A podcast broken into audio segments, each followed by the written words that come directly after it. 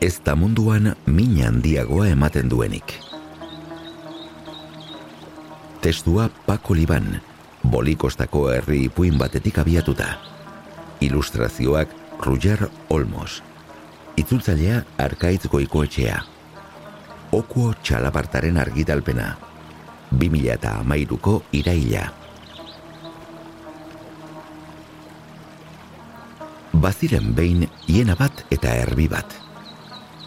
Errekara bidean topo egin eta elkarrekin joatea erabaki zuten arrantza egitera. Arrantzan ari zirela, hause galdetu zuen erbiak. Baldak izu munduan zer kematen duen min handiena? Mm, elefante bate koña zapaltzeak. Erantzun zuen hienak, Ez? esan zuen erbiak. Aginetako minak, Ez? Esan zuen berriz ere erbiak. eh, listorraren ziztadak. Ez ere? Jolasarekin aspertu eta alaxe esan zion hienak. Etxi egingo dut. Gezurrak! Gezurrak ematen du min handiena! Adierazi zuen erbiak. Barre egin zuen hienak. Mm, Gezurrak min txikiagoa ematen du, oin bat urratzeak baino. Erbiak orduan hause proposatu zion. Min egidazu oin batean! Eta erakutsiko dizut, gezurrak min handiagoa ematen duela. Hienak birritan pentsatu gabe ozka egin zion oin batean. Eta algara handi eta maltzur bat atera zitzaion. Minaren minez, oiu egin zuen arbiak. Eta kin eta txan, errenka desagertu zen zuaitzen artean. Egun gutxi behar izan zituen zauriak sendatzeko. Goiz batez guztiak lo zeudela, erregearen jauregira joan zen arbia. Goiz goizetik sabela harin-harin izateko, pastel eder bat egin zuen atearen aurrean.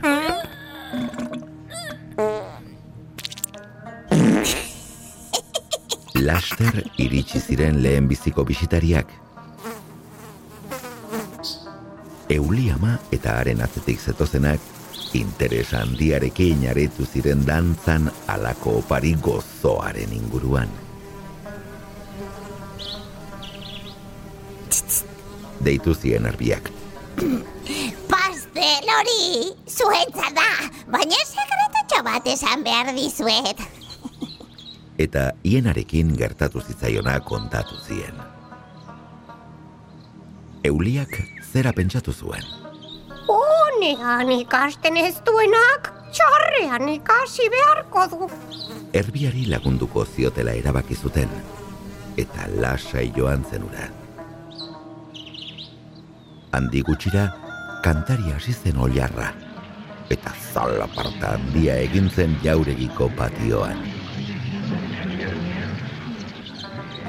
Zaindariak, ikusi zutena ikusita, lasterka joan ziren erregearen gara. Majestatea, zer aurkitu dugu atearen aurrean, e, pastel bat ka... Karameluzkoa? Galdetu zuen erregeak jakin minez. Ez, majestatea, ka... ka... Kakauetezkoa? Baina zaindariek ez zioten esaten, bazekiten eta aserretu egingo zela, eta erregeak berak joan behar izan zuen ikustera. Alako pasteltzarra ikusi zuenean, ka, ka, kakaozkoa ez. Entzutekoak izan ziren haren hitzak. Minduta zegoen oso.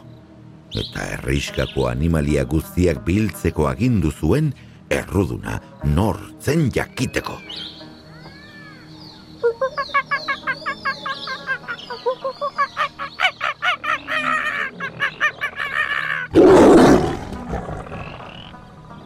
Antzeuden guztiak. Jirafa, tigrea, krokodiloa, igela, tximua, loroa, hauntza, zebra, sugea. Ez zen inor falta. Erbia baino ez. Loratekiko sastraka batzuen atzetik ari zen begira. Nor izan da, nork egin du irain hau. Galdetu zuen erregeak mintuta oso. Nia naiz izan. Zuen lehoiak. Ni ere Txistukatu zuen sugeak. Ah, ze aldrebeskeria!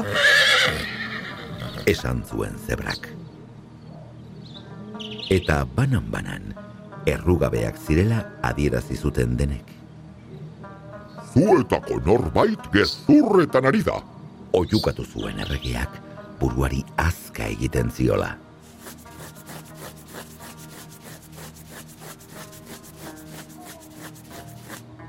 Errege batek buruari azka egiten dionean, ez da izaten zorriak dituelako, kezkatuta dagoelako egiten du.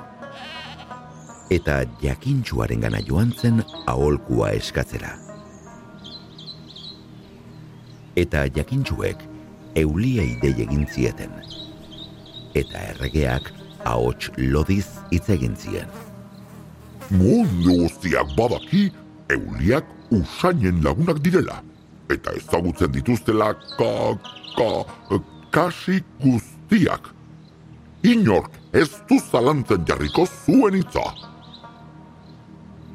Euliamak, beste guztiak atzetik zituela, dantzari trebea zela erakutsi zuen. Eta azkenik, gelditu egin zen pentsakor. Gaur goizean, olarra kantari hasi aurretik, jauregiko zaborra miatzera etorri gara. Buru belarriari ginela, hiena ikusi dugu atean, egin aldean.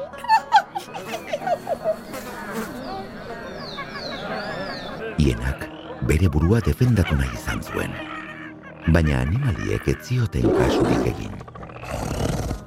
Egun hartan, alako mina sentitu zuen bularrean, erriskatik aldegin zuen. Atzera begiratzen zuela, isatxa hanka artean sartuta.